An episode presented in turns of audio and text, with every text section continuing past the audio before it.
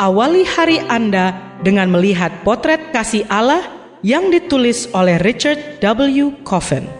Melalui renungan pagi ini, kita akan mempelajari karakter Allah yang menuntun kita kepada kasihnya.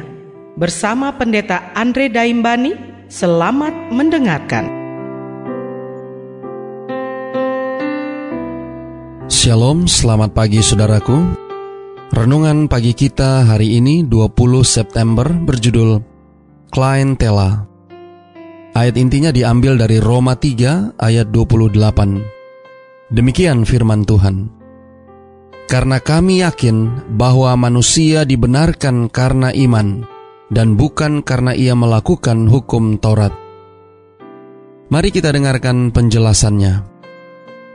Bergalon-galon tinta telah mengalir dari pena ketika orang-orang Kristen di masa lalu dan masa kini telah bersilang pendapat tentang hubungan antara iman dan perbuatan, atau kasih karunia dan hukum.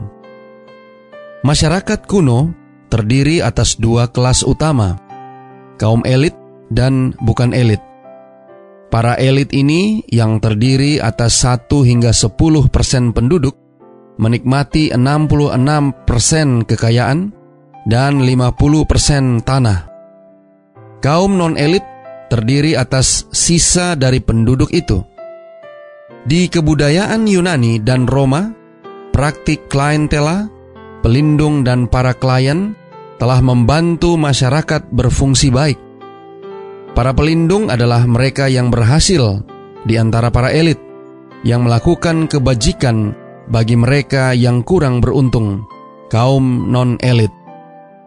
Kebajikan itu dapat berupa bantuan keuangan, pembagian makanan, perlindungan pribadi, peningkatan karir, penebusan budak, keadilan pajak, bantuan hukum, lapangan pekerjaan, atau pemberian berharga lainnya.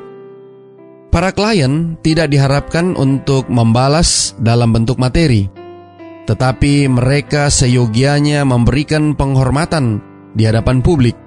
Di Roma, contohnya, para klien akan datang pagi-pagi benar ke rumah pelindung dan mengumumkan di depan publik betapa baiknya sang pelindung dan sungguh tak mungkin bagi mereka para klien untuk membalas kebaikan tersebut.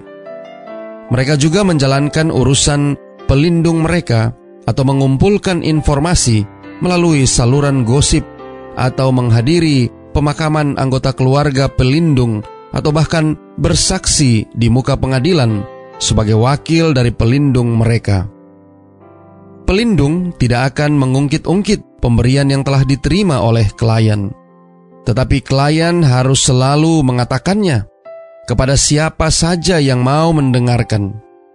Meskipun tidak ada hukum yang mengatur perihal para klien yang tak tahu berterima kasih karena pelindung memberi secara cuma-cuma, maka klien pun memberikan hormatnya dengan cuma-cuma.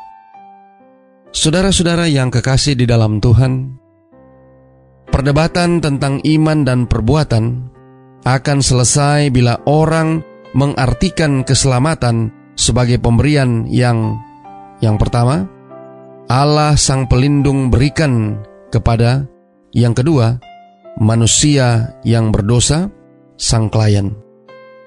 Kita tidak melakukan apa pun untuk mendapatkan pemberian itu, dan kita tidak dapat melakukan apa pun untuk membayar kepada Allah.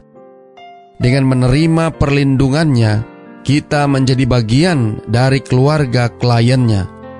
Jadi, setiap pagi di awal hari kita meminta kepada pelindung ilahi kita apa saja yang dapat kita lakukan baginya, bukan berarti kita mencoba untuk membalas kebaikannya, karena kita tidak dapat melakukannya, tapi bahwa dari rasa syukur yang paling dalam, kita merasa terpanggil untuk melayaninya dan bernyanyi memujinya setiap saat di mana pun kita berada doa kita hari ini. Bapa, terima kasih. Melalui renungan pagi ini, kami boleh mendapatkan satu pelajaran yang sangat penting di dalam kehidupan rohani kami. Terima kasih melalui renungan pagi ini, kami boleh belajar tentang pelindung dan para klien.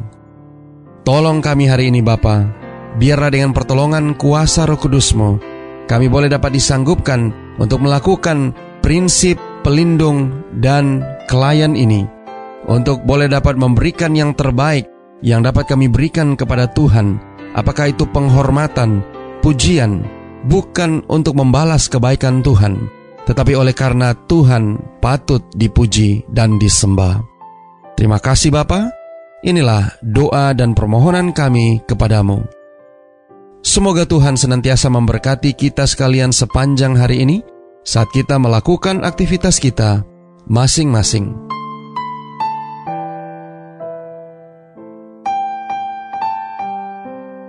Demikianlah tadi pembahasan tentang potret kasih Allah. Semoga firman Tuhan hari ini dapat menjadi berkat bagi Anda. Sampai jumpa, Tuhan memberkati.